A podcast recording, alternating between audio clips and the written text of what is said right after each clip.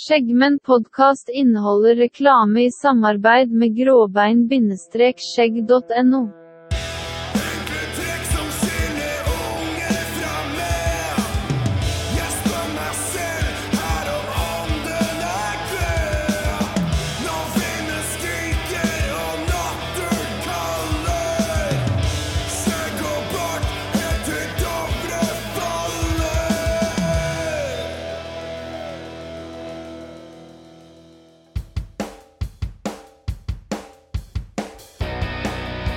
Da var vi tilbake en ny fredag. Velkommen, gutter. Velkommen, Morten. Tusen hjertelig. Jeg skal bare rette på mikrofonen min. Den lå litt langt nede. Har ikke du kjefta på oss for det ganske mange ganger? Ja, det har jeg. God dag, Ove. God fredag. Hei, hei. Skal jeg rette på hodetelefonene, for hver gang jeg sier hei til noen, så må jeg rette på et eller annet. Og vi har en spesiell eh, besøk i dag. En spesiell besøk, det var veldig fint sagt. Eh, Tor, Ja, god dag, god dag. eller hva skal vi kalle det? Ja, Tor er fint. Eh, noen kjenner meg som skogfar, men eh, eh, nå er jeg her som Tor. Ja. Og litt skogfar. Ja. I dagens episode så skal vi snakke om eh, skogfar, og vi skal snakke om friluftsli friluftsliv. Bra, Daniel. Takk skal du ha. Takk skal du ha. Jeg har øvd, øvd hjemme. Ja. Vi ble også sponsa av Gråbein. Eh, det er jo veldig koselig, det. Det er kjempebra. Kjempehyggelig. Eh, Gråbeinskjegg.no.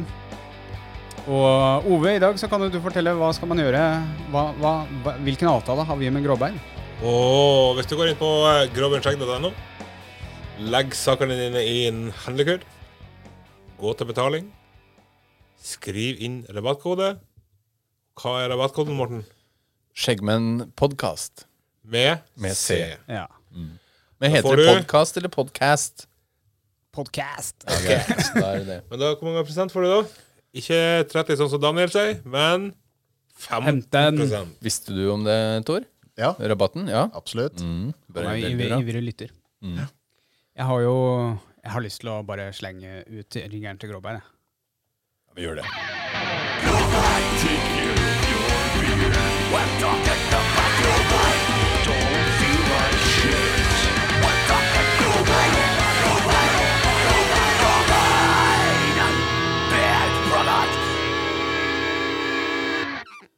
er fint. Den jingeren ble jo spesielt lagd til podkasten. Ja, den ble det. Den tror jeg kommer til å bli brukt eh, mye av ja. Gråbein.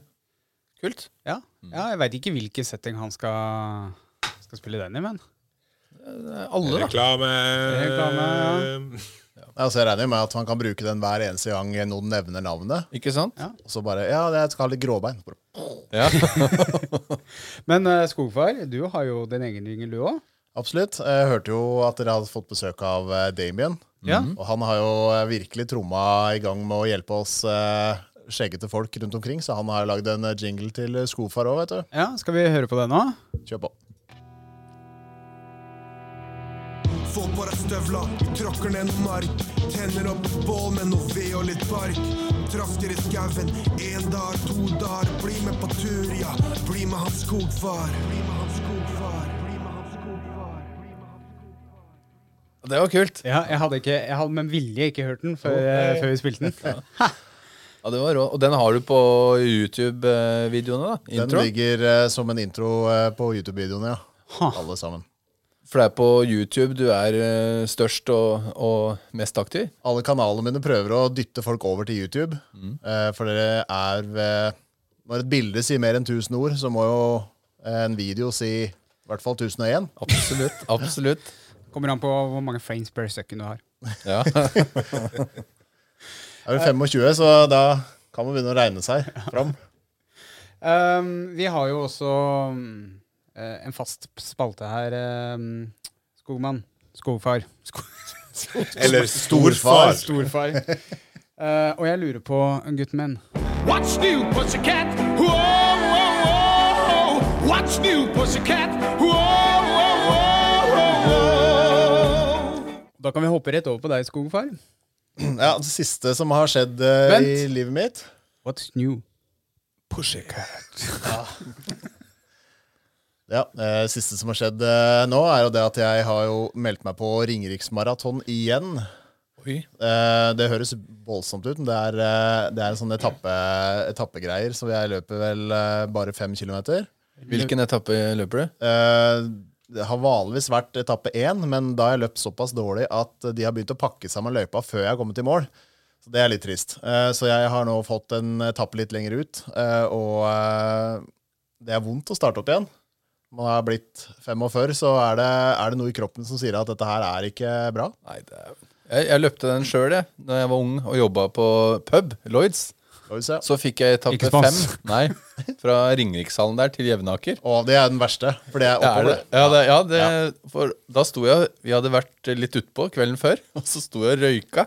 Plutselig er det noen som gir meg den der stafettpinnen, og så må jeg bare begynne å løpe, da. Men vi tok igjen Elexia-folk. Ja, ok.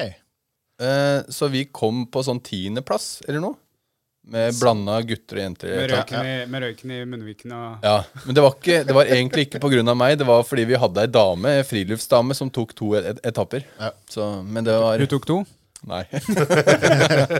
Nei den er seig, altså. Den er seig, for det er ned fra sentrum i Hønefoss og så opp til noe som heter Tømmervekta. Og det er egentlig en etappe som kun er i oppoverbakke.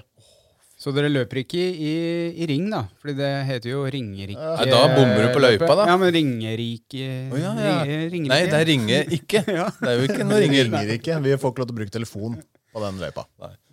Taxi. Men har du, trener du? Trener Ja, så? Da er det tre ganger i uka. Oi. Eh, eh, og i Altså, går var vi ute, altså vi, det vil si min sønn på 14. Eh, og jeg løp da den eh, etappen eh, som jeg skal løpe. Altså, du, du, du skal liksom trene på den etappa? Ja. Du skal gjøre det bra? Ja, jeg må jo prøve det. Altså, man, alle kommer seg gjennom fem kilometer. Ja. Man gjør det. Ja, hører du si det, ja på en eller annen måte. Ja. eh, Jeg kan Tak- gå, gå de fem tog? kilometerne. Men, eh, men du snakka om at dere ikke har lov til å ha telefon, for det er Ringerike. Men uh, dere gjør jo ikke det på vinteren, for da er det jo fare for telehiv og sånt, er det ikke det? Nei, det er en sommerløype, heldigvis. Men yes. Vi er der, ja. Ja. Velkommen. ja, nei. Ja, men det var veldig spennende. Nat! Nei, jo det var det. Ove, what's new pussycat? Nei, jeg har eh, Jeg har holdt på med akvariet. Ja vel? Bygd litt hundegård. Vært på visning. Kanskje flytte litt. Oi. Oi. Fra det, den plassen vi hadde sommerfesten på? Ja, til litt større hus. Ja, Er det like bra å Det sånn ha at- sommerfest der, da? Jeg tror det, for det er nærmere vannet. Å, perfekt. Ja, ja. Så da kan vi faktisk gå ned til vannet og bade litt i løpet av dagen. Um, så vi får se vi får det. Kanskje vi skal invitere skogfar eh, på sommerfesten Ja, i sommer? Ja vi, vi har ikke helt offentliggjort det at det skal være for, øh, sommerfest, Morten. Men Nei, eh, Jeg, jeg bare tulla, jeg. Det er ikke helt offisielt at det er åpent hus den dagen heller. Nei. Nei, det er ikke det. Så, uh, men det er jo det. Steinkjer kommune, vi skal ikke ha fest i sommer. Nei. Så, nei, så vi får se om vi får det huset. Ja. Da blir det da, da får du eget soverom. Eh, jeg skal prøve å få snekra i hop en litt bedre seng til deg Herlig. den gangen. Sist jeg lå i senga, så knakk senga halvtime Ja, jeg etter jeg var- hadde jeg var der. Ja. Ja. Daniel eh, var jo der Og eh, jeg lå aleine. Daniel var til stede, men han sov òg ganske mye. Den, Jeg hadde god seng, jeg. Ja, jeg, det var jo Da jeg var litt overvektig og ikke så Jeg sov veldig mye. Jeg var overvektig. Hvor er du sova? Jeg sov i andre etasjen, jeg. Gjorde du det? Ja. Ah. Og så kom jeg ned av og til, drakk litt, og så gikk jeg opp igjen. Var det deg jeg så? Jeg trodde Ja. det var spøkelse. Vi har jo snakka, om dette her òg. Det var jo da jeg var drita full og kyssa med Ove og kjente den på ballene under kilten og det greiene der. Jeg trodde du traff eh, Du skulle kjenne på ballene, og så traff du rett i rassen på den. Nei, nei, det var ballene han tok på. Det var det. Ja, det var det. Han hadde med litt sin hule hånd. Ja. Og så Æsj. Morten, Ja. what's new pussycat? Eh, nå har jeg langfri fra jobb, så jeg slapper av. Prøver å male noen eh, benker jeg snekra i fjor sommer, eh, og jobbe litt i hagen. Det er eh, rekreasjon. Ja. Slapper av. Og podkast. Ja. Daniel. Ja, nå har jeg vært inne i en eh, voldsom jobbeperiode. Så jeg har jobba veldig mye og fått mye overtid. Så nå gleder jeg meg til lønninga kommer. Men får du den på feriepenga eller måneden etter? Jeg får dem på må Nei, jeg får dem for feriepengene, tror jeg. Ja. Ja. Så det er veldig lite nytt. Det da er kan, spa, da kan du spare litt ekstra den neste måneden. For all overtida jeg jobber, får jeg to måneder etterpå, så det er vanskelig å liksom planlegge. Det er kjedelig. Ja. Mm. ja, dette er jo Ja, det er planlagt over til dette her, da. Men eh, Ja. ja. henger litt bakpå. Ja, nei. Ja, spennende. Da var ferdig, da. Ja, da var vi ferdig med det. i dag. Ja. Hva skal jeg gjøre nå, Morten? Takk. du har blitt glad i det der? Ja, det er det. Men nå måtte jeg, måtte jeg vise deg hvordan man Men gjør det. før vi, vi kan ikke begynne på samme greiene etter vi har trykka på den. Da må vi liksom starte på noe helt nytt nå. Ok, Skal vi prøve en gang til, da? Ja. Ok. Da skal vi snakke litt om friluftsliv. Var det bedre? Meget. Ja, nå begynte du. Jeg, Å ja, unnskyld! Da skal vi snakke om friluftsliv, og vi har jo med oss eh, skogfar her. Uh, vi hadde jo forberedt noen par spørsmål. Jeg, jeg lurer jo først på hva er greia med, med skogfar? Hva, hva, hva er det for noe? Nei, også eh, Skogfar, det starta uh, egentlig på en veldig grei måte. Det var, jeg var og gikk hadde sånn fotballtrening da, med sønnen min. Eh, og så eh, hadde jeg vært ute og, og ligget litt i telt, og så hadde jeg jo en sånn eh, skjeggkonto som jeg hadde begynt å legge ut noen sånne friluftsbilder på. Så da hadde foreldrene i, i samme klubben funnet ut at jeg holdt på med det, og syntes dette her så interessant ut, men de mente at det her var veldig vanskelig. Dette her hadde ikke dem mulighet til å gjøre, så jeg brukte mye av tida på treningene til sønnen min og fortelle de andre hvor greit det er å komme seg til skauen. Så, ehm, så da eskalerte det egentlig derfra. Så jeg hadde jo et domene som heter Fotballpappa. En sånn, en sånn ironisk eh, pek mot, eh, mot alle- Yes, fotballfrue og pilotfrue og alt mulig rart sånn. Eh, men det ble det aldri noe av. Og så satt jeg og, og googla litt, og så fant jeg ut at Skogfar var et ledig domene. Og kasta meg på det. Og Skogfar er jo da for de som ikke er Lars Monsen, som ikke er eh, friske nok til å komme seg opp på toppen av et fjell eller gå over ei svær vidde, eh, det er bare å komme seg ut nesten i hagen og eh, tilbringe litt tid ute. Så det er Skogfar. Ja. Og dette filmer du. Ja, dette filmer jeg. Eh, og der eh, Hele ja, Eller er det sånne sekvenser av turen din? Eller er det liksom Ja, Det kommer litt an på. Jeg prøver jo å tenke ut eh, eh, hvordan jeg skal filme turen for å eh, eh, gjøre den lettest mulig for meg å klippe sammen til slutt. da. Ja, For du klipper sjøl? Jeg klipper sjøl, ja. Og det er jo også litt av det som er morsomt. da. eh, Å, lære seg noe nytt. Så det begynte med iMovie, og så eskalerte det opp til Final Cut Pro. Har, har du lagt på engelsk tekst og sånn? Yes. Ja, eh, ja, ja, for jeg legger Yes. Yes, yes Nå må, vi, nå må vi legge på engelsk tekst, dette. Ja. uh, nei, og så jo, begynte jo med å uh, ta kontakt med Døveforbundet, faktisk. Og så lurte jeg på om det er det noe interesse eh, for dere å sitte og se på YouTube. Og så sa de at ja, det er litt vanskelig, fordi det er veldig få som tekster. Eh, og engelske YouTube-videoer er veldig greit, men, eh, for det er sånn autotekst på. Men eh, norsk, det blir eh, nederlandsk eller noe sånt, så det slår jo bare nordmenn av. Men, eh, så jeg begynte å tekste det på norsk. Og så tenkte jeg at ja, ja, nå har jeg jo allerede teksta dette her på norsk, så da kan jeg egentlig bare sitte nesten Google translate det over til engelsk. Så hvis man eh, slår på engelsk tekst, så er det en del eh, gullkorn der, da. Noen eh, hidden gems. Norske uttrykk som ikke helt funker på engelsk, men jeg bruker dem allikevel. Ja. Så, ja, ok, så du driver ikke og skriver engelsk? Altså det er eh, Jo, jeg skriver alt. ja, okay. Ja. Så det er vel 50% av tiden det tar å få ut en video. Først så klipper man det, og så sitter man da like lenge og tekster dette her.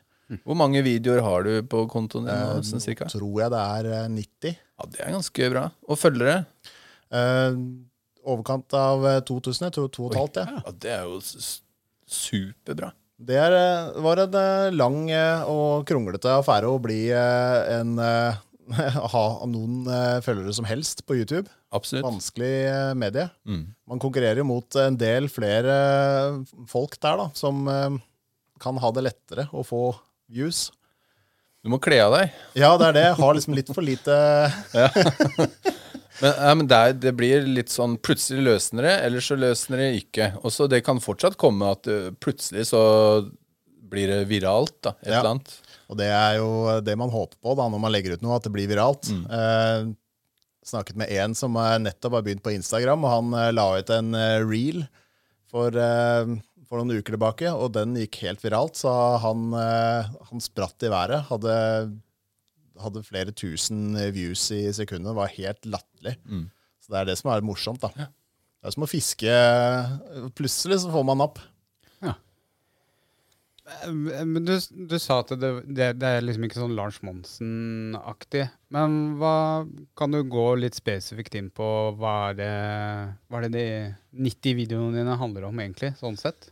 Eh, mesteparten er vel eh, at jeg er ute på tur og slapper av. Eh, noen kaller det sakte-TV, og det er jo ganske greit. da. Vi i Norge er jo, eh, er jo veldig glad i sakte-TV. Hurtigruta minutt for minutt, kanskje? Ja, ikke sant? Nei, så det eh, blir jo Vi sitter rundt bålet og, og småprater litt, og du hører knitringa og, og sånne ting. Og så er det Hvis jeg har kjøpt meg noe nytt utstyr som jeg har lyst til å vise fram, så gjør jeg det. Ja. Og prøver å lære folk i og hvordan henge opp eh, utstyret sitt, og hvordan bruke det. For det er Det er greit å få alt fra starten av, og ikke bare de, de som har vært uh, friluftsfolk i ti år. At de, men å ta liksom fra bunnen av og lære ja, hvordan man fyrer opp en primus, bare, da. Det, noen ganger så ser jeg etter sånn fisketips, for eksempel. Eller eh, ja, tips til telt, eller så, sånne enkle ting. Jeg fikk litt skryt fra en eh, kar, en eh, kjent eh, kaptein i Hønefoss. Uh, Mr. Hønefoss. Captain Morgan. Ja, Captain Lafton, som, Å, ja. ja, Frode Lafton. Ja. Han så på en av filmene mine, og så var det spørsmål om ja, okay, hvordan er det man fyrer opp ved når det er så vått og kaldt som det er nå. Og så dro jeg fram en svær eh, V6 som jeg hadde tatt med meg på pulken. Og så putta jeg en, eh, en tennbrikett oppi, og da var det bål. Og man trenger ikke å måtte bruke to pinner for å gni de sammen, og man trenger ikke å bruke flint. og Man kan ha det trivelig på tur selv om man ikke er eh, helt, eh, som sagt, Lars Monsen. da. Mm, mm. Men hva Nå kom jeg på et spørsmål sånn akkurat nå. Hva er motivasjonen din for å lage videoene? Hvor er det du Vil du lære folk, eller skjønner du Ja. hva jeg mener? Um, driv, drivkrafta, nesten, da. den, sånn, eh, den går jo begge veier. For først så kan jeg lage en film, og så eh, får jeg feedback til å komme meg ut. Og det er liksom den dørstokkmila jeg prøver å slåss mot. Eh, den er ufattelig svær for meg, så da regner jeg med at andre også har det samme problemet. Så um, bare det å komme seg ut og prøve det, så, så vil, det, vil, vil det løsne. Eh, Så det er det som er min motivasjon, å få de tilbakemeldingene. At uh, pga. deg så har jeg nå eh, levd ute i skauen i et år. Ja, ikke sant? Så det er, litt for din egen del òg. Ja, absolutt. Så er det jo eh, veldig artig å, å kunne gjenleve sin egen tur, da. Når man har eh, vært på en del turer, og så kan man se tilbake. Så videoen er jo mye for meg sjæl òg. Jeg tenker Det har jo noen sånne helsemessige effekter òg, å være ute i friluft. Sånn eh, mentalt og ikke minst fysisk, da. Jeg hadde en tur som jeg var ute i fem døgn i strekk. Det er vel det lengste jeg har vært ute. Eh, og da kjente jeg at huet mitt eh, gikk ifra å være sånn ADHD-stressa til å faktisk tenke at i dag, det eneste jeg skal gjøre i dag, er å strekke tarpen på køya. køya. Det er min, mitt mål i dag. Og så to timer etterpå så gikk jeg bort, og så gjorde jeg det. Og da var det en helt perfekt dag. Har du noe sånn favorittsted å campe, eller? Um, Trillemarka i uh, Rollag, det er mitt favorittsted. Der er det såpass stille. Uh, det er få fly som flyr over, så det er uh, eneste er dyrelivet du kan høre der. Og det er Bare, såpass bare myggen som flyr over? Ja, det, var, det er heldigvis lite mygg også. eh, så det er såpass stille at da fant jeg at jeg hadde tinnitus. Ja. Så det er flott, for da fikk jeg endelig høre på den. Det var det eneste jeg hørte på. Tinnitusen? Ja, Ja. ja, men da blir du jo kjent med kroppen, da. ja blir det absolutt. Men sånn Kanskje ikke alle veit det, men du hadde jo et lite tilbakeslag på helsa.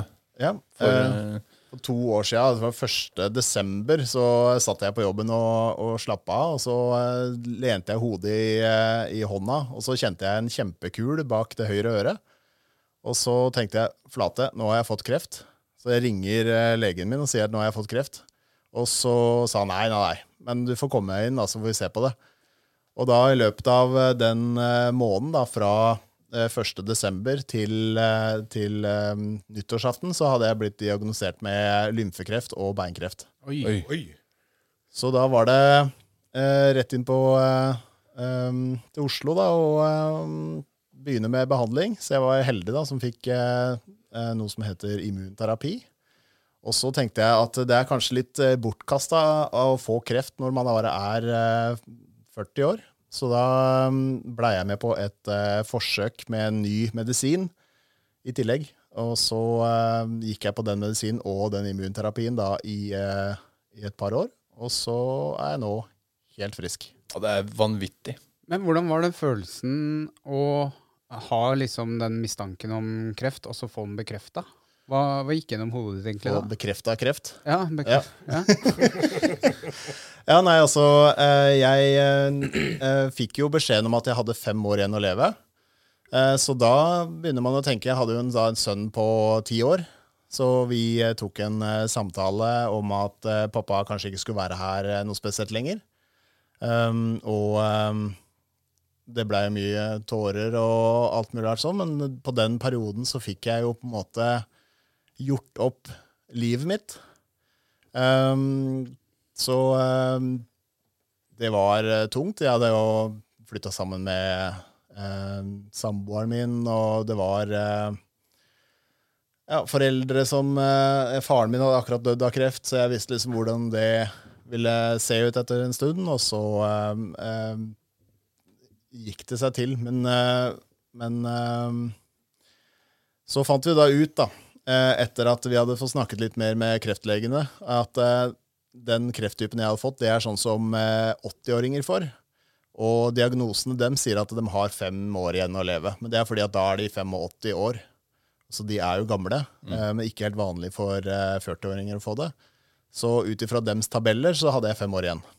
Ja. Sånn, ja. Yes. Ja, så de, de, de som får den kreftformen, pleier å dø med det, ikke av det. yes.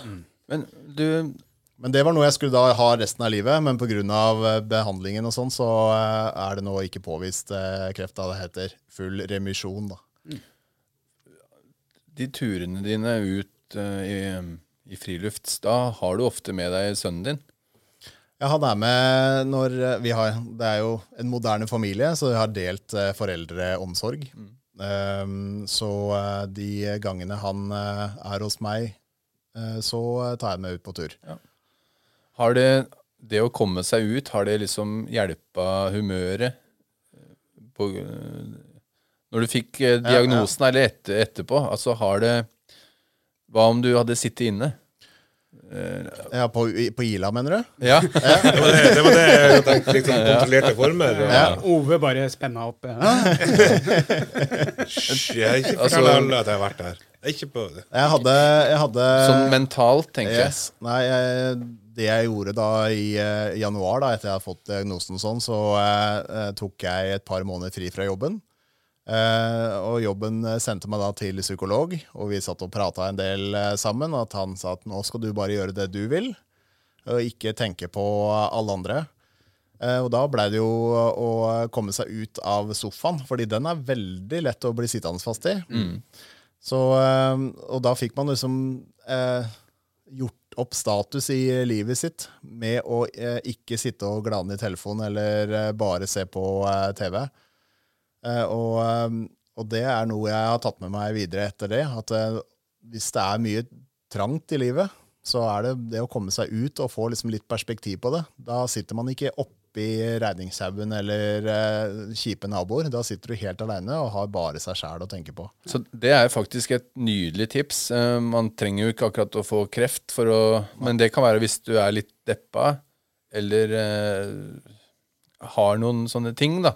Kom, kom, kom deg ut. Frisk, frisk luft og, og, Ja. og friluft, det, det, det hjelper mye. Ja. Det, altså, det er jo sånn som jeg snakka om sist gang, at eh, jeg har en litt sånn kjip periode. Det å komme seg ut hjemmefra. Det er bare å eh, Det å, det å, å komme seg ut blant folk, kanskje Altså, det å komme seg ut alene òg, Ja. det hjelper veldig mye på. man, man har en haug med sånne jeg tror, jeg tror man har en haug med sånne eh, brytere, eller sånne eh, måleenheter i kroppen. da. Eh, Hvis man har eh, spilt The Sims, så har man jo en sånn derre bladder, og man har en eh, stress og en eh, fun og litt sånne ting. Eh, de blir, blir litt feiljustert når man bare er hjemme. Hvis man går ut og på en måte har det litt grann hardt, kanskje litt grann kaldt, og får slappe av litt, grann, så får man på en måte nullstilt de bryterne. Så når du da kommer hjem, så tar det jo og Livet har liksom en helt annen Det er ikke så kjipt å ligge på sofaen når man veit at man, eh, man har fortjent det, og så er det det at eh, man har det ikke så ille hjemme. Når man bare kan gå og hente seg noe å drikke i springen.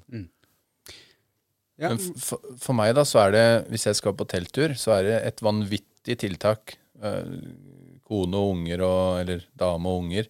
Da må vi planlegge tre måneder i forveien da, og finne en helg. Er det så vanskelig å komme seg ut som jeg, jeg skal ha det til? da?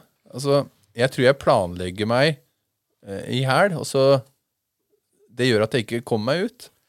Så hvordan, hvordan kommer du deg ut så enkelt? Man har en eh, liste. Man, eh, hver gang man har vært ute, så har man jo tatt med seg ting og tang. Og så har man den lista liggende, så man veit hele tida hva man trenger. Og hvis man har vært på en tur og ser at eh, den tingen jeg tok med deg, trenger jeg ikke, så tar man den vekk fra lista. Da har man en liste klar. Så med en gang jeg da tenker at nå har jeg lyst til å ut, så bare ser jeg på lista, putter alle de tingene ned i en sekk, og så er vi klarer. Det, det var uh, nydelig tips. Og trikset er å pakke sekken dagen før, og ikke samme dagen. Fordi hvis man da skal pakke samme dagen som, som man skal dra, og det er masse unger og alt mulig sånn, så er man sint og sur. Yes, det, det stemmer. Men dette her bringer meg inn på et spørsmål jeg har tenkt å stille deg, og det er hva er must haves hvis du skal på tur? Altså Er det en sånn liten sånn sjekkliste hvis du liksom skal sove i skogen ett døgn? Hva er must have? Hva burde du ha da? I Klart. den sekken, eller med deg? Sommertur, da, kan vi ta. Vi tar sommertur. Ja. Nei, altså, sovepose. Eh, hvis man skal sove ute, da syns jeg det er greit å ha med seg en sovepose, og så eh, enten telt eller hengekøye. Og så eh, eh, syns jeg det er veldig godt med noe varmt i kroppen, så da tar jeg med meg en primusflaske og en eh, brenner. Og da er vi egentlig i mål. Mat. Ja, da fisker Det kan være. Nei, jeg, jeg pleier ikke å, å satse på min fiskelykke. Da må jeg ha med meg turkamerater som eh, har litt mer lykke der. Uh, men eh, nei, jeg, jeg er veldig dårlig på mat på tur, så jeg tar bare med meg eh, noe uh, tørrfôr som jeg putter vann i. Så det er sånn så jeg, altså jeg har jo en sånn ryggsekk som står klar. Altså, der står det gass i, der står primusen i, grillpinner, uh, det ligger en kniv. Det er sånne ting som kan være For å få komme seg ut på tur, så er det faktisk den der sekken. Men det er òg en sånn lita fiskestang. Jeg liker å stå og fiske. Lita fiskestang. Da er det faktisk bare å gå. Du kan ta den sekken, ta med deg hundene og gå. Snakkes. Eneste du må passe på, er jo da ikke altså Hver gang du kommer hjem fra tur, så må du ta ut soveposen din så den er eh, fluffy og fin. Så ikke den blir Ja, liggende i et halvt der, år. for, ja, for der er òg en ting. Det er veldig mange som har soveposen, og så Den ligger inne i- trekket. Mm. Den ligger alltid inne i trekket. Yes. En sovepose han er ikke laga for det, det Han skal jo han skal henge. Yes. Ja. Skal alltid henge oppe som ei dyne og bare i en krok i taket om seg. Når Så når du ikke bruker den, så Da- For min ligger jo inni den derre Nei, ta den ut, og så legg den, eh, legg den eh, eller heng den opp. Bare få sånn at den blir lufta fin, for ellers så blir alle fiberne eller eh, duna blir bare klemt i filler, og så blir den kald og fæl når du skal ha den på tur. Jeg lærer noe nytt nå, jeg. ja, ja, jeg lærer nytt uh, hele tida nå. Vi, uh, vi uh, rydda barndomshjemmet til faren min, eh, og han hadde da vært på konfirmasjonsleir. Altså det her var da 50 år etter han hadde vært på den konfirmasjonsleiren. Og det viste seg at han hadde spydd nedi eh, soveposen. Eh, Så han hadde da krabba inn i soveposen med huet først, og det var jo i gamle dager. Da var det ikke noe glidelås i soveposen engang. Så han hadde krabba med huet først, spydd nedi den, vært så flau at han hadde pakka den sammen og putta den opp på loftet. Og den fant vi igjen, og det var egentlig en pose med jord. Oi. Det, for det, han, blir, ordentlig ødelagt. Ja. Altså, ligger det noe skit nedi, så muggel det, det, det blir ikke bra etter ei stund. Så når jeg kommer hjem det, fra tur, så hjemme hos meg så henger eh, hengekøye og eh, tarp og soveposer og alt mulig rart. Det bare henger over hele leiligheten, så det er knusk tørt før jeg eh, legger det inn på eh, turrommet. Men du, gjør du det liksom rett før du skal på tur, eller tar du dem ut når du har vært på tur, og så henger de sånn til du skal på tur neste gang? etter tur så tar jeg det ut, og så henger det sånn til jeg drar på tur igjen. Altså, soveposen eh, skal ikke inn i posen sin før du skal på tur. Og telt, da?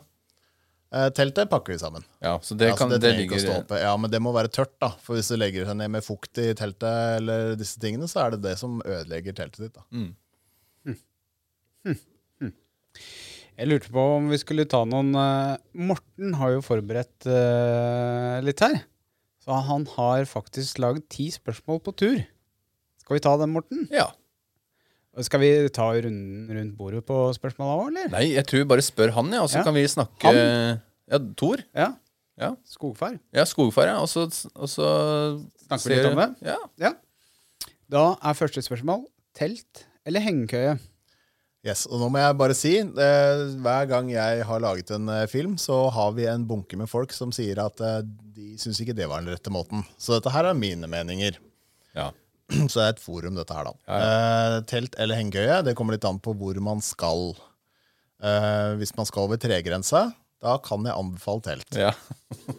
Eh, den har vi brent oss på en gang. Vi var på tur opp Trollfossen, som ligger Der er det fint. Ja, kjempefint. Men hvis du kommer for høyt opp der, så er det over tregrensa, og da sliter man med å henge i køye. Så da måtte vi gå ned igjen for å henge i køye. Men det som er min favoritt, er jo køye.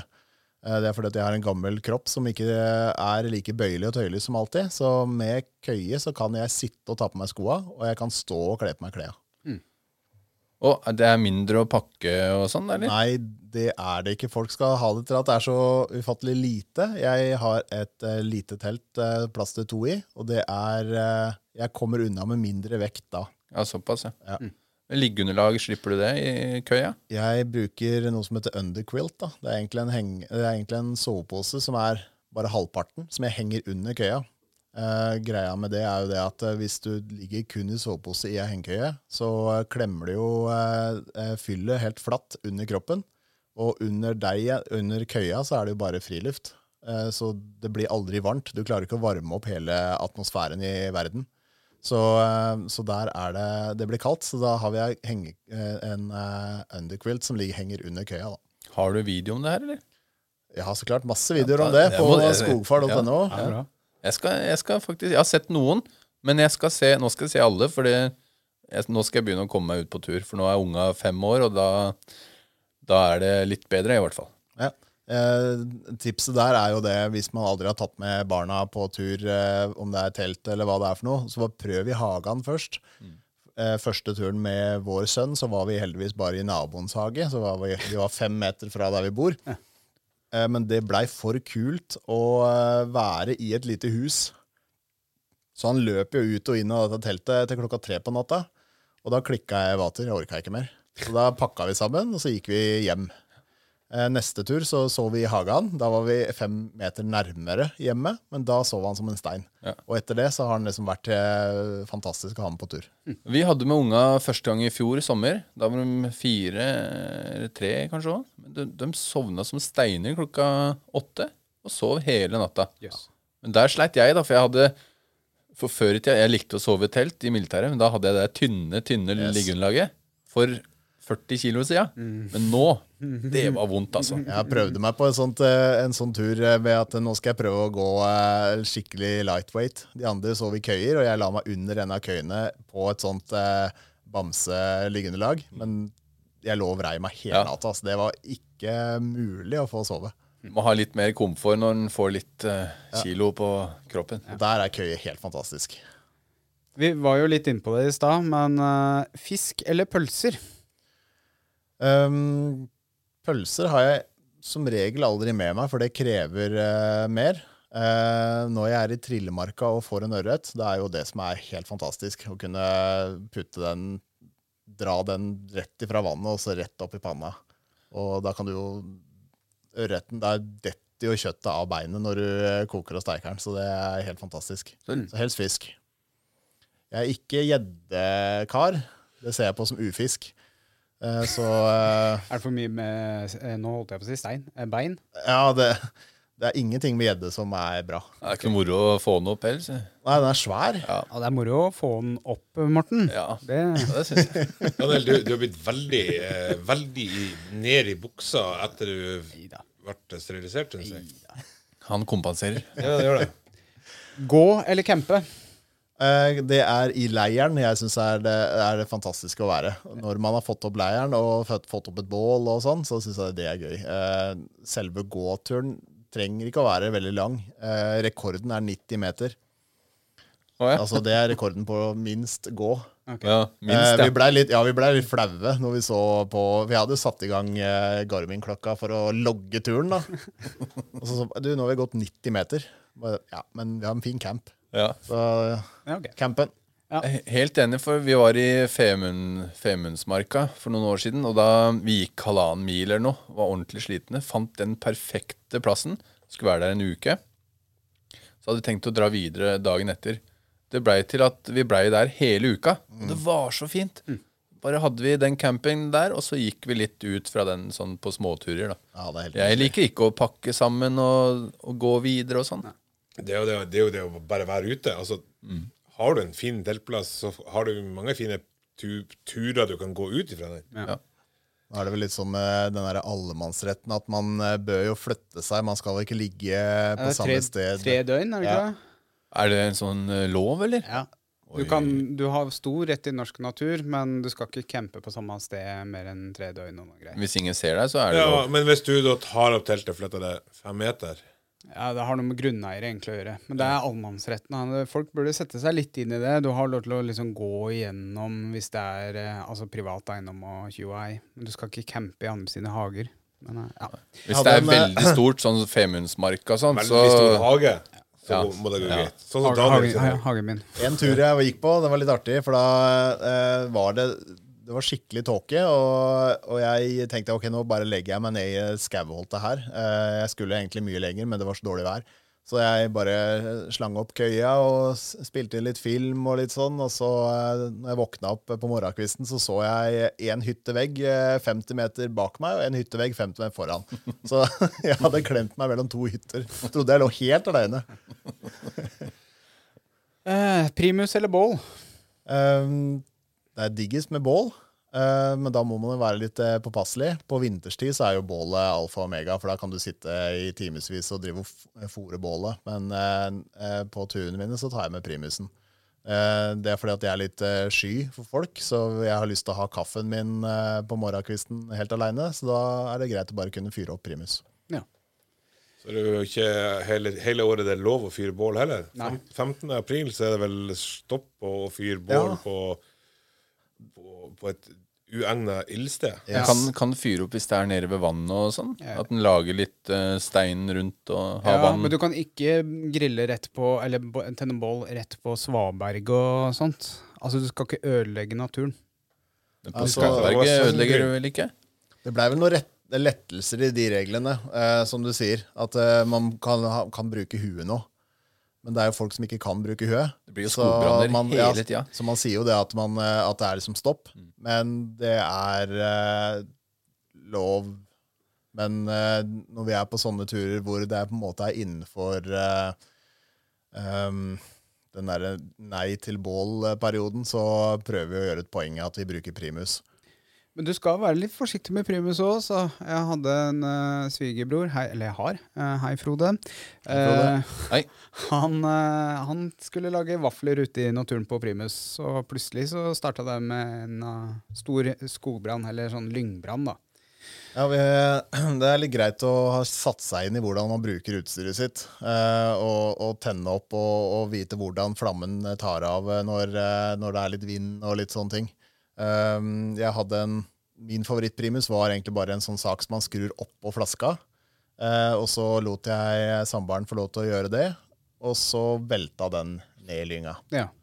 Så eh, etter det så kjøpte jeg en eh, primus som beina er lenger ut enn selve primustoppen. For da, uansett hvordan jeg presser og dytter på den, så kan den ikke velte. Så det er liksom greit å ha testa utstyret og vite hva som skjer. Så er det lurt å ha, med, ha litt vann ved siden Ja. av, i tilfelle det Ja. For de som har vært i Forsvaret, veit jo dette her med fyringsvakt. Mm. At eh, han skal sitte med bajonetten og vannflaska og være våken hele tida. Og det gjelder eh, Og ostesmørbrød som du putter inn i de gittera på ja. multifuelen. Yes. Ja. Eh, skog eller fjell? Um, jeg heter jo Skogfar, da. Ja. det ligger litt i korta. Eh, men i det siste så har jeg begynt å traske litt på fjell, fordi jeg tok, tok eh, eh, hva for noe, radioamatørlisensen for et år tilbake. Og da er det noe som heter SOTA, Summits on the Air. Og det er en sånn konkurranse som foregår ved at man går opp på en topp. Du ser ut som du har lyst til å si noe? Nei, da du bare Jeg, fikk jeg, et jeg, jeg, eh, jeg har nettopp hørt, hørt om det, akkurat den der. Skjønner du. Ja. Så derfor ble jeg litt interessert. Ja, Eh, fortell videre. Ja, nei, så da tar man med seg sin eh, amatørradio eh, og opp på en fjelltopp, og så prøver man å få kontakt med folk rundt omkring i verden. Eh, så jeg har sittet på eh, topper rundt i Jevnaker og snakka med folk eh, i, i, på Gibraltar. Men er det FM-nett? Hvordan Ja, det er uh, AM? Nå, Nei, det er ikke AM. Det er lang- men du kan sende med AM. Det er ikke ja. DAB-rad? Det er ikke DAB, er ikke liksom? DAB, nei. nei, Det her er bare Norge eh, som har DAB. Ja, nesten, ja. Da setter jeg opp en antenne. Den er, eh, jeg har en 50 meter lang antenne som jeg legger utover eh, Ikke rett opp, nei. Nei. Jeg har en eh, 6 meter høy mast. Og så tar jeg den 50 meter lange antenna og så putter jeg den på midten av den antenna. Kan du tenke deg, Så blir det som en, eh, en V som er opp ned. Det heter jo antenna, og det er en inverted V. Ja. Og så eh, kobler jeg den til eh, radioen min, som sender med eh, 5 watt. Det er veldig lite. Eh, og, eh, og snakker da med hele verden. Har du prøvd å liksom eh, si, skrike sånn Mayday, mayday! og så, så, så liksom eh, Jeg Sett om du får nei. kontakt med noe Jeg, etterretnings... jeg tenker bare på Fleksnes, jeg, og Ja, ja. den der episoden hvor han er Fra til TV, ja. Yes. Og det var eh, en artig historie rundt det, var jo det at eh, det er jo et kallesignal. Og eh, det var en kar som absolutt ville ha det kallesignalet. Mitt kallesignal er, er eh, LB6WI. Eh, og det blir man veldig stolt av å få. Så han hadde da klart å grine seg til å få LA8 PV. Han syntes det var gøy i sånn ca. en måned. Fordi resten av Norge kalte han opp hele tida. Men er det mange som driver med det her på verdensbasis? Ja, det, altså, det er mange flere enn du tror, da. Ja, For det høres jo ut som en litt sånn Det er en nisje, Ja. men eh, det er sinnssykt mange. Eh, og det er eh, verdensomspennende. Og det er en eh, ting som folk tar litt for gitt, det at man kan kommunisere med hverandre. For nå har alle mobiltelefoner. Mm. Bare her i rommet ser vi jo fire stykker. Så eh, eh, Men med en gang noe skjærer seg med det, så er eh, hjelpetjenesten på plass og alt mulig sånn. Og oppi den blandinga så er radioamatørene. Ja, fordi folk tenker ikke på at eh, det første som skjer i en krig, er jo at det, Eller for eksempel, er jo at en skrur av nettet og vann, eller Ja, Så da sant? er det Gutta på skauen eh, Ja. hadde jo bare sittet på skauen, de. Hadde ikke vært for Da eh, ringer jeg deg. Ja. når, når eh, russerne kommer. Da stikker Yes. jeg til Hønefoss, og så stikker vi på fjells med radio. Ja. Da er det beste sted å være med skogfar. Men jeg tar med maten, da. ja, det er bra. Jeg må ha litt mer mat enn uh, Ja. Bare Ja. Ja. Jeg, skjønner, jeg ble litt interessert, for jeg snakka med han eh, Jonny Leo eh, han, han, eh, han båtfareren. Han uh, driver og reiser uh, Storm, er det han heter? Johansen. Jonny Leo Johansen. Han driver jo og, reiser med, med seilbåt. Nå er han i Nord-Norge. Og har møtte han eh, når jeg drev og kjørte ungene hjem. Og da fortalte han, og da var det liksom få kontakt med tre stykker i løpet av den tida du var oppe. Yes.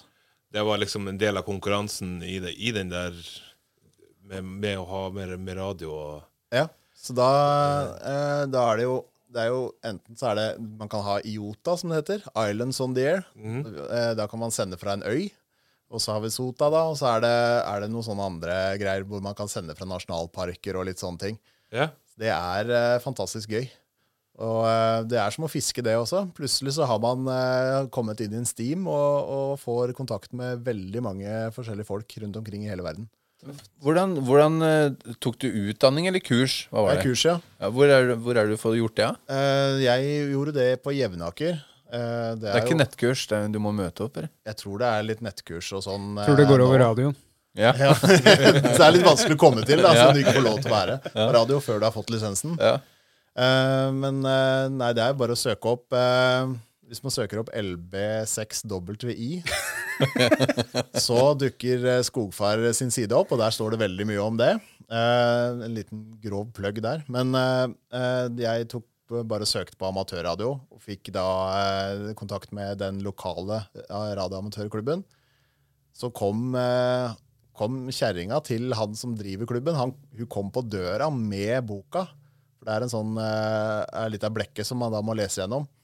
Eh, og den starter jo med ganske heavy uh, elektromatte. så det satte meg litt ut, da. I USA så har man masse forskjellige grader av denne lisensen. Fra det bare bruker radioen til å faktisk bygge en egen radio. da. Men i Norge så har man bare den ultrafæle lisensen. Det eneste de har gjort med den nå, er at de har kutta vekk morse. Så man slipper å lære seg morse. Det er kjekt å kunne, da. Ja, absolutt. Men det er Og, noe man- og røverspråket. ja. så, eh, men så var det bare å, bare å møte opp på kurs og bare guffe på. Og jeg eh, har gått handel og kontor, så jeg er ingen mattegeni. Eh, så, eh, så jeg, og når jeg klarte det, så bør de fleste andre klare det òg. Altså. Jeg bare fortsetter litt på Det er veldig interessant. Altså. Kjøp. Men eh, neste på lista bade eller kano?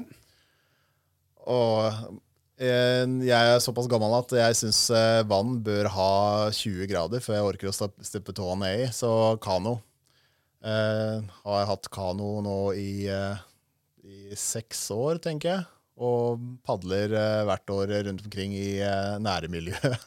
Ja, ja, Hvordan eh, kano, kano har du? Jeg har en sportspall. Den er 16 fot lang. Plass til eh, meg og kjerringa og ungen og en haug med sekker. Ja. Er det, det er ikke sånn du kan legge, legge sammen? Og sånn? Nei, det er ikke en eh, lett metall eller sånn der aluminiumskano. da, så Har du den på taket, eller? tar den på taket, ja. En, på lille Ignisen min. Det ser ut som at jeg har en eh, Begynner Ser ut som jeg har en, eh, en kano med bil på. Ja. Setter den på tvers, så kan du kanskje få litt eh, Og lette litt. Nei, Det var viktig med å, med å få meg, når jeg skulle kjøpe ny bil, var jo det da å få en eh, bil som hadde takrails. Så jeg kunne ta med meg en antenne som uh, stikker to meter opp, og så en uh, kano. Du så, du så jo bilen der oppe. Det er jo så vidt han har plass til bil, inn, inni bilen sjøl. Han har ryggsekk, så er det fullt. Ja.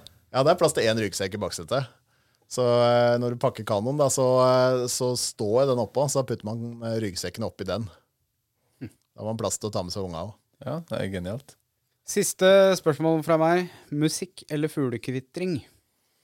Jeg er veldig glad i eh, musikk, da. Eh, på tur så er det ikke noe, eh, noe kunstig eh, eh, musikk, så da er det fuglekvitter. Men eh, sånn i livet mitt så er det veldig mye musikk. Ja, Du går ikke med uh, sånn hodetelefoner Nei. på tur og Da er det Eneste grunn til jeg har med telefon, er jo det å kunne si ifra at nå har jeg kommet fram til et sted. Og, eh, og det også var en av grunnene til at jeg eh, valgte å ta amatørlisensen. er det at eh, Flere steder i Trillemarka så er det jo ikke noe mobildekning. Nei. Så da er det greit å ha muligheten til å kunne tilkalle hjelp hvis det skjer. Så um, nei, det er, eh, det er fuglekvitter. Jeg, jeg bare kom på ett siste spørsmål eh, som vi snakka om. Beklager. Eh, vinter- eller sommertur? Ja takk, begge deler. Ja, Men Ja. hvis du må velge? Du må Eh, velge. sommeren sommeren er, jo, eh, er det jo mye mindre å bære på. Men eh, det som er fint med vinteren, er at det er snø. Og da har man pulk og truger. Og da kan man dra med seg eh, 80 kilo lett i den pulken uten at det er noe eh, stress. Så da kan man ta med seg et par sekker ved hvis man vil det, uten eh, å ha problemer. Jeg gleder meg alltid til å dra ut på tur på sommeren. Og hvert eneste år så glemmer jeg at det fins mygg og knott. Det er, det er helt fryktelig. Noen ganger, da. Hvis det er mye. Finnes jo sånne Du har på deg en fin sånn der eh, fiskehatt, eller bøttehatt Ja. heter det egentlig. Butt. Ja. Bøtt, bøtt. Ja.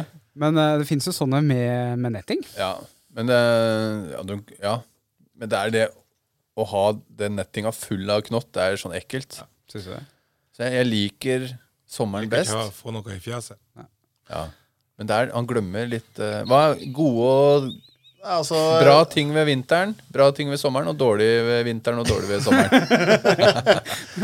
Ok, eh, Triks med, med sommeren da, er at jeg går alltid med langbukse og lange armer. Eh, lange armer er jo, var jo mest fordi at eh, det er ikke noe vits i for oss med masse oppkjøpt blekk og, eh, og sole seg. Nei. Ehm, og lange bukser alltid, fordi flåtten er eh, fæl. Den setter folk ut av spill eh, og er kjip. Jeg har jo vaksinert meg på sånn skogflått encefalitt, som er en kjip, eh, flott greie, men borrelia kan man ikke vaksinere seg mot. Så den unngår jeg med å gå med lange bukser og lang skjorte hele, eh, hele sommeren. Ehm, så eh, fordelen med sommer er jo egentlig det at du, du drasser med deg mye mindre, og du eh, kan Da er det lettere å få med seg unger, da. Mm, ja, det er For det. da, da trenger du ikke å passe så sinnssykt på dem. Men eh, når man er ute på vinteren, så, så er det jo ingen insekter. Fantastisk. Og, men da må man passe på sånne basic greier at eh, har du vært og driti noe, liksom? Mm. Fordi gå rundt og legge seg med full tarm, eh, vet man at det er ikke lurt. Da kan man bli generelt nedkjølt og Jeg var, når jeg var i militæret, så var jeg litt sånn der Jeg hadde ikke lyst til å gå på do ute. Og på en øvelse så fikk jeg ikke lov å komme inn i teltet før jeg hadde vært på do. Så jeg sto der liksom i to-tre timer da, og bare Nei, nekta. Det var den første vinterøvelsen, da. Og så gjorde jeg, så gjorde jeg det, og det blei så mye bedre. Så etter det så ble jeg han som alltid gikk og ute hvor som helst og når som helst. For det, det har litt det, det samler mye um, varme. Eller det tar mye varme. Ja, du bruker jo energi Ja. på å varme opp dritten som Ja. du ikke trenger. Ja, Og når du endelig har gått på do, du har en sånn euforisk følelse i kroppen. veldig. Mm. Så lett i skrittet, løper bortover og har det ganske bra. Ja. Den beste plassen jeg har vært på do, det var på toppen av Dovrefjell. Satt og så utover. Jeg husker jeg sendte bilde til mutter'n og sånn mens jeg satt Så og ja, og Vanvittig utsikt, altså. Der kunne jeg sitte mye. På sånn her bæsj and carry-greie. Ja, helt Du må, du må ha med bæsj og gære. Du kan ikke bare skite i Ja, men da måtte vi måtte i, i Ja, det var jo Forsvaret. Ja. Ja. Ja, for det er jo som sånn greie. Vi hadde en eh, Vi skulle ha en tur med Rett før eh, korona og eh, sånn, så skulle vi ha en tur med alle i HBK eh, fotballklubb. Hønefoss. Hønefoss, ja. Hønefoss ballklubb. Det er jo min klubb. Eh, verdens raskeste fall fra toppdivisjon og ned til eh, Jeg vet ikke hvor de spiller nå, jeg. Det var morsomt en stund, altså. Ja, fantastisk gøy. Eh, men eh, da var det som en av de greiene eh, Det fins en gul sten når vi er ute på tur. Der skal alle tisse. Og så er det ett sted alle skal bæsje. Ja. Fordi eh, folk Hvis man begynner å drite og pisse overalt, også, det blir jo helt forferdelig. Så det er liksom sånne ting man må tenke på. Og så er det er det det å eh, drikke nok vann og spise og alt det greiene der. Og rydde opp etter seg. Ja, rydde. Ja. Ikke la det være noe søppel og sånn. Grav ned skiten. Ja. Og ikke, ikke ta helt av eh, med å, å rive ned skauen rundt deg og den biten der. Jeg skal helst ikke hugge ned så mye trær hvis en ikke må, da. Nei, ta heller ting som er eh, dette ned og sånn. Mm. Det er liksom litt av den tingen jeg, Når jeg tar med primusen, så, så uh, slipper jeg å, å hogge for mye ved. Så um, uh, Og det er det som er litt greit da med sommertemperaturer, for det er en del mindre ting å passe på når du tar med deg barn og, og sånn. Og slipper å, å um, hjelpe de så veldig med å, å henge opp ting og alt sånt. For det kan jo være, være litt stress midt på vinteren. Men uh, vi har jo noen sånne Jeg spurte jo om det i stad, egentlig. Men uh, det er jo lurt å ha med seg diverse ting. Um, jeg liker å ha med meg termos. Den Eh, flashlighten, ja. den skjult i en termos. Ja. Men uh, apropos termos, så veit jeg at Gråbein har uh, lansert en sånn der termos som Ja. holder ekstremt uh, godt på, på varmedrikke over flere døgn, nesten. Kalde drikke. Ja. Så den er jo verdt å få med seg hvis du Kanskje pølse på den? For, å- og for Pølse. å åpne den pølsebakken, hva må, bør du kanskje ha da? Ja. En kniv. Det finner du òg på Gråbein. Ja. Og bruker du eh, rabattkoden Eh, Skjeggmenn postkass med C, så får du 15 Ja. på, på disse varene her. Og det er jo sånne ting som liksom er kjempesmart å ha med seg på tur. Da. Eller i hvert fall som jeg liker. Med kniv. Eh, for å spikke bitte litt. Og så litt varm drikke. Eller ja, du kan varme pølser i termos. Det er et godt forslag. Suppe kan du ha der. Ja. jo, ja. Eller vann. Det, det passer jo fint for deg. Du får jo to måltid på, på en sånn termos. Oh yes. Yeah. Uh, og så har jeg, jeg Jeg skal jo på tur i, i sommer. Og vi har jo begynt å kjøpe inn eh, litt ting og sånt til dette her. Og da er det, er det smart av meg å mm, være på sånn der militærutsalg og, og kjøpe Kjøpe litt sånne der militære soveposer og sånt, eller? Um, min mening eh, der er jo det at uh, um, en sommersovepose trenger ikke å veie like mye som den militære soveposen. Husk på, nå er det del år siden sist jeg var inne, så da hadde vi den der tre knappe soveposen. Den Ja. knepte sammen tre, tre forskjellige. Jeg regner med at det har kommet litt bedre poser der. Den er ganske stor uh, uansett å ta med seg. Det er, det er som en sånn gammeldags ja. sovepose. Så akkurat, ak men akkurat soveposen føler jeg liksom at der kan man bruke litt kroner, altså. Det syns jeg. Ja. Det er eh, eh, Får man en god natts søvn, så har man liksom fått en mye bedre tur. For da, da er- våkner man litt uthvilt. Men uh, militærutsalg, jeg syns det er helt fantastisk, uh, fordi det har alle disse her ulltingene som uh, er fantastisk, som er godt utprøvd i norsk, norsk natur. Det fins jo Vi hadde jo flere sånne amerikanske soldater på besøk med forskjellige øvelser, og, og de sto og hutra og frøys i den ene svære Gore-Tex-jakka si. Mens vi nordmenn har tasla rundt i, eh, i den tynne feltjakka vår, som egentlig bare er impregnert. Men vi, har, vi skjønte det her med flere lag, da, ikke sant? Med, med brynje innerst og, og et, eh, et eh, ullag imellom, og så jakka. Og den Anna, Anna er jo helt fantastisk. Det er det ultimate plagget. ja, den er, den er. Mellombukse, kaldt vær, som Ja. det heter. Jeg brukte den faktisk aldri. Jeg hadde okay. ikke bruk for den. Men ja, det var en som kledde på seg alt når vi skulle ut og gå tur. Yes. Vi skulle gå kjempelangt. Han bare, det var så kaldt. da, Det var 25-30 minus. Kledde på seg alt, til og med Anna, og sånn, og begynte å gå. vet du, Og svetta og svetta. Så begynte han å kle av seg. Mm. Det er ikke så lurt. Nei, altså Trikset der er egentlig å fryse litt grann i starten av turen, Ja, og så heller ta på seg når du kommer i leir. ja. Kle på seg og ikke kle av seg, for da På vinteren. Så er det det greiene med ehm, Når du setter deg i bilen, så tar du av deg eh, så du sitter i T-skjorta i bilen. eh, Sånn at du ikke har brukt opp det varme, fine tøyet ditt inni inne i bilen som det er eh, 20 varmegrader inni. Du skulle jo hatt egen sånn skogfarprodukt eller noe. vet du, Sånn derre genser eller noe sånn smarte triks. Ja, så jeg har eh, Det eneste produktet jeg har Jeg har jo hatt noen T-skjorter. Jeg sitter jo med en T-skjorte her. Ja, Ja. Eh, Men eh, alt av mine produkter er egentlig fordi at jeg hadde lyst på en skjorte med Skogfar-merke og en patch. Og da må man jo bestille et minimumsopplegg, opplag. Eh, Så etter det Da skal jeg gi deg et tips etterpå. Ja, det er hyggelig. Eh, Jeg har tenkt på å spørre deg. Ja. Eh, Du er jo uh, merch king. uh, Men det er én ting jeg har sagt ja til, og det var Ognøy camping. Han tok kontakt med meg, fordi han hadde sett meg på YouTube og lurte på om vi kunne gå innom et samarbeid. Og for han drev og lagde og satte sammen hengekøyer. Ja. Så em, der lisensierte jeg ut logoen min til å uh, lage en skogvarpakke. Nice. Med hengekøyer. Hengekøyer, ja. Så Nice. den uh, inneholder da oppheng og køye og myggnetting. Uh, så den er liksom good to go. Ja. Og det er å få tak i nå, eller? Den er å få tak i. Hvor? Ogne camping på eh, Facebook. Ja, ja. Yes. Så den kan du få på nett?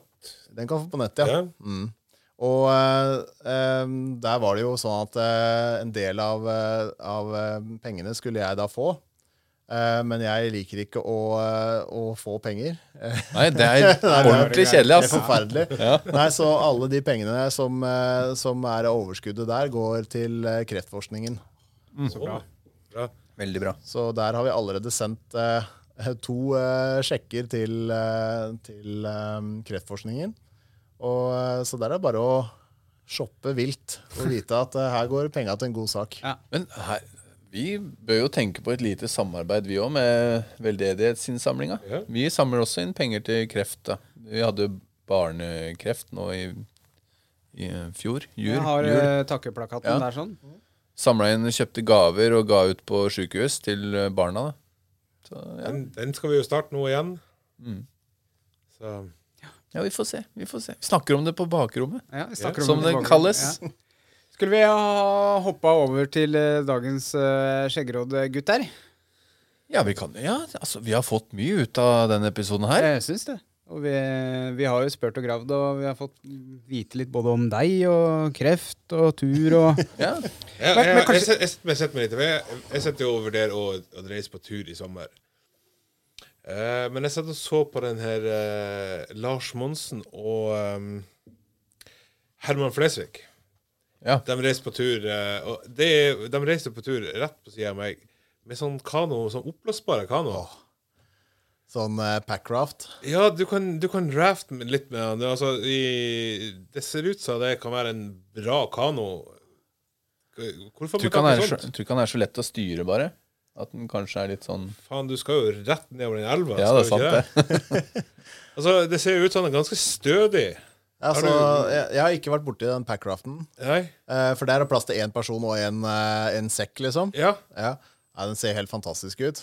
Eh, den er stiv i pris for meg, altså. For det er det eh, Det er 10 000 kroner for en, eh, en sånn ja. Han har vel sine egne òg, han eh, Lars Monsen, tror jeg. Han selger vel ja, kanskje det på ja, men de, de, de, er vel sånn sammenleggbare?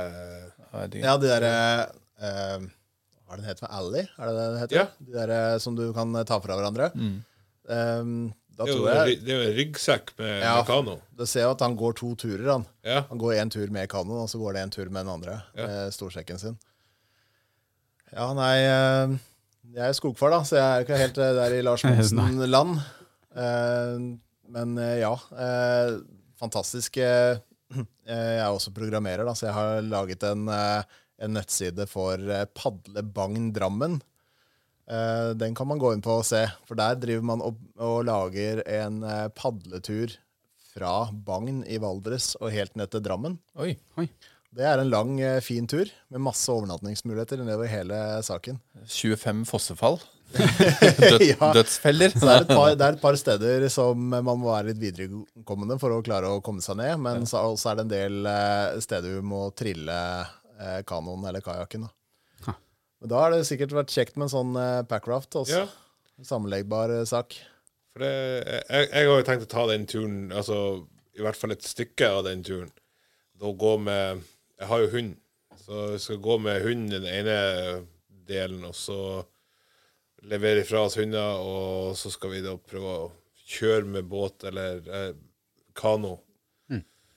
ned, ned resten. Det er fantastisk. Jeg har padla nedover eh, den lille biten i Hønefoss som går eh, Nedfossen? Uh, nei, den starter vel litt ovenfor, heldigvis. Okay. jeg slipper å være med i det kraftanlegget der. uh, og så ned til uh, Tyrifjorden. Ja. En fantastisk fin tur hvor du egentlig ikke trenger å gjøre en ting. Du bare sitter i båten og lar deg drive ned, som Moses. Mm, ja. Prøve å splitte vannet ja, ja, til Tyrifjorden der og komme seg til Garntangen. få seg en burger. Få seg en burger og en softis. Helt fantastisk. Vi hadde båt vi, i den elva der. I den uh, Tyrifjorden. Eller den, den, du snakker om. Ja, Storelva. Nå er både jeg og Tor fra Hønefoss, om dere ikke visste det. Ja. Takk. Vi hører det. Nei, jeg setter over eh, skjeggerådet, og da skrur jeg ikke ned mikrofonen deres. Så vær forsiktig. Og Morten, mens jeg eh, tar introen her, så finn fram spørsmålene. Ok. Altså, ikke kjente vi skulle være stille.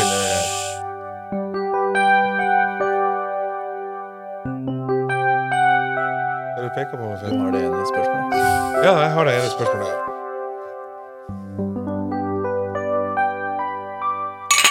Skjeggrådet! Velkommen til dagens eh, skjeggråd. I dag så skal Nei, i dag så er det meg, Daniel. Morten Ove. Tor Ikke skogfar, altså? og Skogfar. og Skogfar. Ja, du er to. Du må stille spørsmål eh, da enten til Tor eller Skogfar. Ok, ok, vi er der i dag. Ok. Morten, spørsmål nummer én. Hei, Skjeggrådet. Jeg og fruen skal gå på, på Gaustatoppen. Jeg har ingen ordentlige fjellsko. Jeg er usikker på om jeg skal kjøpe billige sko, eller om jeg må gå for noen dyre. Har pris noe å si på skoa? Kjære Skjeggråde, har dere noen tips? Står ikke hvem det er fra. Ja, jeg kan uh, kaste inn mine fem cent der.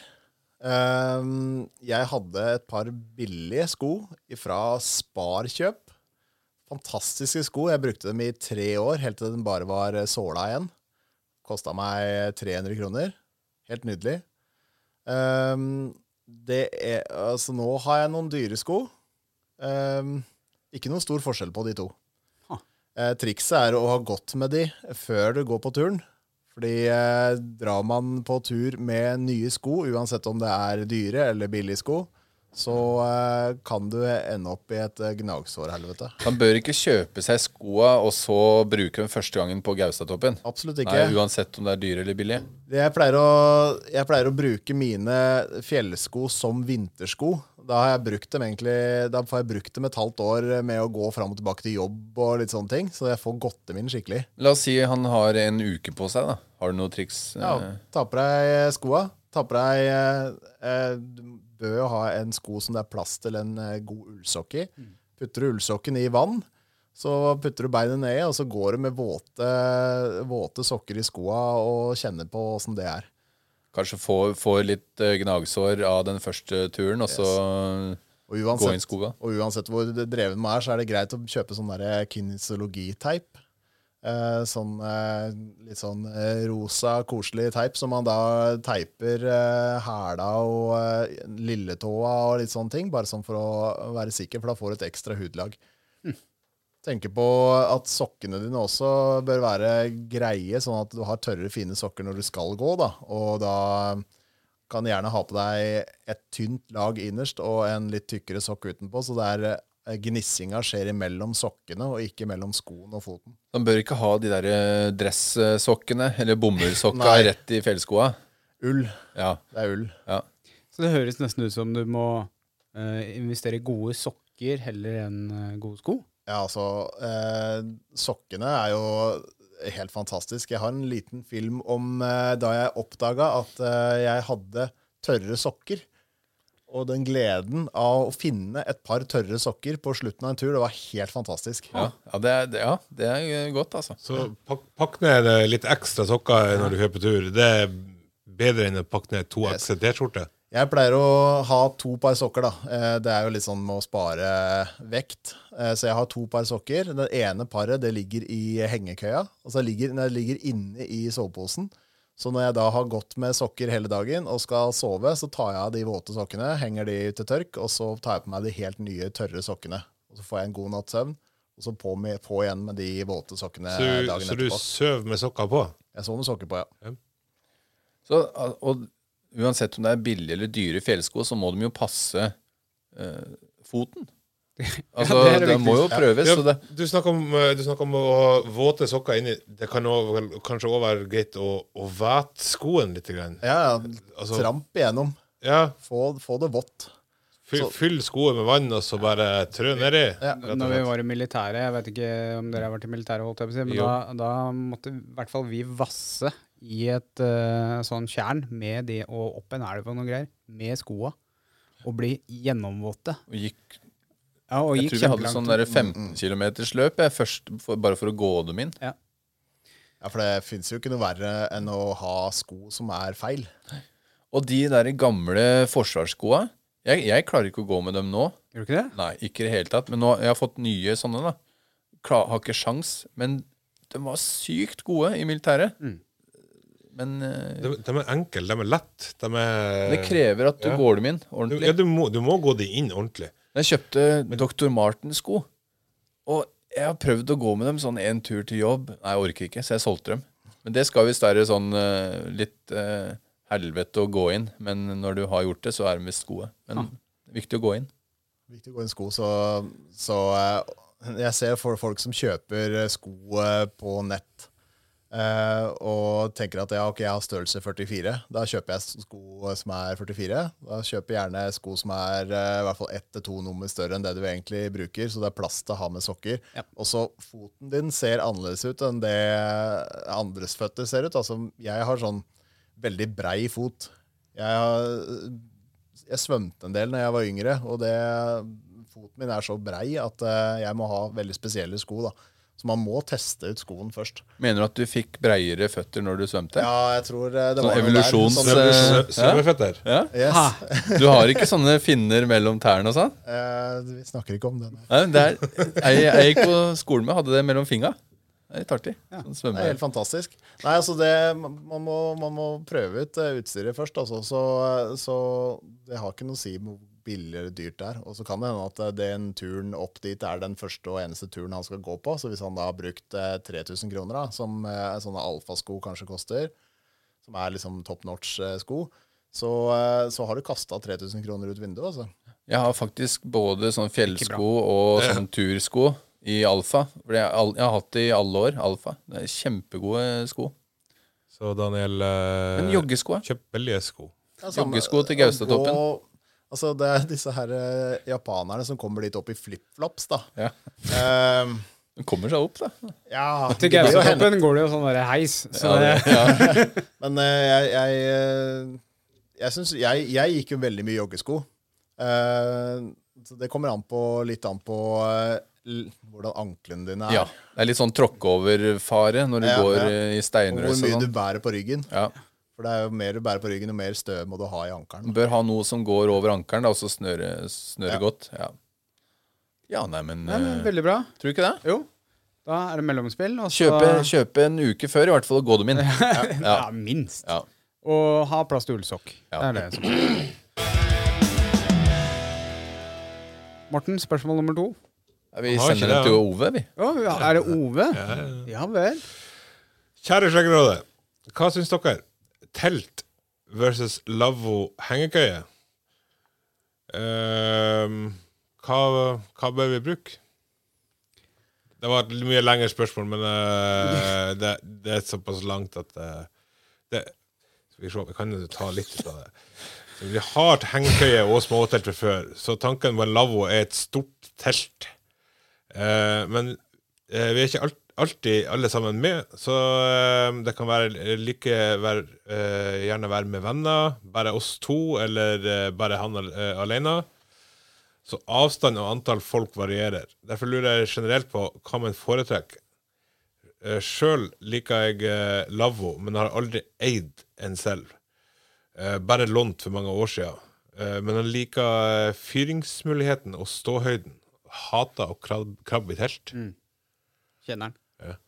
Ja, ja, lavvo er digg, ass. Det er det. Hvis du skal kose deg noen dager, og ikke ta opp og ned hele tida, så kan du legge ut litt sånn der skinnfeller og, og eh, lage bål i midten. Og, På vinteren er det helt fantastisk med lavvo. ja. Og hvis, hvis du har sånn 90-metersturer Ja, ja, så- ikke sant? Men har, du, har alle en pulk hver, eller noe sånt, og de som går på tur, da, de som kan dra pulk, så får man jo med seg lavvo.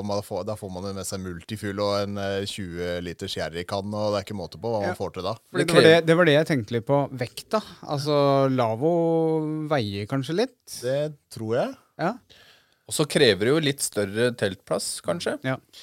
Altså, og så er det jo det eh, Jeg liker jo når det er muligheten til det, så liker jeg køye. Og det er jo fordi at da kan du ligge akkurat hvor du vil, da, så lenge du har to trær. Jeg har ligget i en steinur, og det er helt umulig i et telt. Men med to trær så har du muligheten til å sove Sove i en 90-graderskjelling, liksom. Mm. Jeg har hatt eh, lavvo på tur eh, en del ganger, og da har de litt nyere ovnene, så du bare fester på, på, på med stanga i midten. Å ja. Så hiver du ved eller koll eh, oppi, og så fyrer du med den. Så kan du fyre opp varmen og holde det varmt inni. Så rundbrenner, eller? Ja, Hva kalte du den? Rundbrenner. det kalles en Morten. Da står Morten i midten. Ja. Nei, men eh, Og den varmer ganske godt. Så eh, Men det, det, det tar plass. Det veier mye. Så det mm, Skal du på, på tur med barn og pulk, kanskje det Spørs hvor store barna er, da. Ja. Har du eh, under ti år, og de gjerne ikke er noe glad i å gå, så har de kanskje lyst til å sitte i pulken av og til òg. Er det da sommer-vinter? Ja, nei, altså eh, Bare det å ta med seg køye for meg er motiverende. Så jeg tenker at det som motiverer den personen, det bør han ta med. Det som, som han på en måte Eller, eller hun, Ja. men det er skjeggråd, så jeg håper det er en han. Um, uh, det er det som motiverer den personen å ha lyst til å gå ut og, ha lyst til å sette opp. Jeg føler at det er, det er motivasjonen skal ligge på. Så er det kanskje ikke noe vits i å ha lavvo hvis du skal aleine på tur. Du, eh, eller det å gå til innkjøp eh, for det. Men der har du òg en ting. Jeg har jo eh, Jeg jobba jo på Bua før. Bua er da sånn eh, fritidsbibliotek. Der du kan låne alt mulig utstyr. Alle kommuner har vel det, eller Ja, de det, ja, det heter Bua eller Skattkammeret. Mm. Og drar du innom der Du er er i tvil om at det her er et utstyr jeg trenger, har lyst på å bli å bruke, så kan du faktisk dra innom, og så låner du en lavvo. Det er gratis. Uh, du kan låne den i én til to uker. Og da får du fått gjort unna den turen og fått te- testa. OK, er det her noe vi vil blir å bruke én gang i året? Er det noe vi blir å bruke ja, smart, sju smart. ganger? Veldig, veldig smart. Um, det er noen som uh, har kontakta meg og sier at nå er jeg klar, for nå har jeg kjøpt inn alt utstyret jeg skal ha. Nå, det ligger klart her i gangen året etterpå. Ja, det ligger fortsatt her i gangen, da, dette utstyret. Uh, de har merkelappene på og alt sånn. Så det er liksom litt av min greie. da, altså Begynne, begynne enkelt. altså Ha muligheten til å låne noe utstyr eller noe sånt. Da. Kjempebra. Så bare komme seg ut på uh, turen, og så føle litt på hva er det jeg egentlig trenger. Ok, nå har jeg da brukt de billige skoa lenge, og jeg har faktisk gått uh, masse turer. Kanskje man da kan uh, skaffe seg noen andre sko, eller da finner du ut at lavvo var litt mye. Gå for et mindre telt. Og så heller se an hva, hva er det man trenger før man eh, går Eller hva Ja, jeg- trenger man etter å ha vært på tur, da? Ja. Eller sånn så man har òg barn som vokser, sant. Du skal ha ski, du skal ha det meste. Det, det går an å låne ting gratis og, og teste ut, Ja. i stedet for å gå til innkjøp av eh, dyre ski til 1000, 10 000 kroner. Lavvo til en 10 000 kroner, så kan du låne den gratis i to uker. Så, Ja. hvis, en, hvis en har litt lite cash og sånn, da, og bruker telt én gang i året, så går det jo an å bygge gapahuk òg. Kjøpe seg en sånn derre en, en teltduk, da. Ja. Og bygge Ja, det. Hvis, bare, du, hvis det er fint vær. Du kan bare kjøpe deg en vanlig presenning. ja. Det er billig. Mm. Så eh, da, da kan du jo egentlig nesten Har du en presenning, så kan du jo lage den lavvo òg. Ja. Ja. Så eh, det er bare å finne et tre kan, å man henge kan den jo opp på. prøve det først, da, og se om man har lyst til å kjøpe, bruke 12 13 14 000 på lavvo. Eller det er, jo, det er jo dyrt nå for tida. Altså. Ja, ja. Sånn iglo, har du sett den? Eller hva den heter? Sånn rund lavvo. Ja. Iglo Sånn åttekant der, et eller annet. Det heter Dome. Dome, ja. Ja. ja. Zoome. Så eh, de er jo litt kule. Men det er liksom hva som motiverer den personen, da. Og så eh, kom deg ut, og så test ut. Veldig bra. Der føler jeg det ble et lite punktum. Ja, Jeg, jeg er, pisse, jeg, jeg er altså. gul i øya sjøl. Så jeg takker eh, stort for besøket i dag, Skogfar. Og skogfar.no, var det det? Og YouTube. Yes. Det, fra det her var kjempe, kjempe, kjempehyggelig. Jeg håper at uh, kanskje du kommer igjen en gang. Ja, det se. håper jeg òg.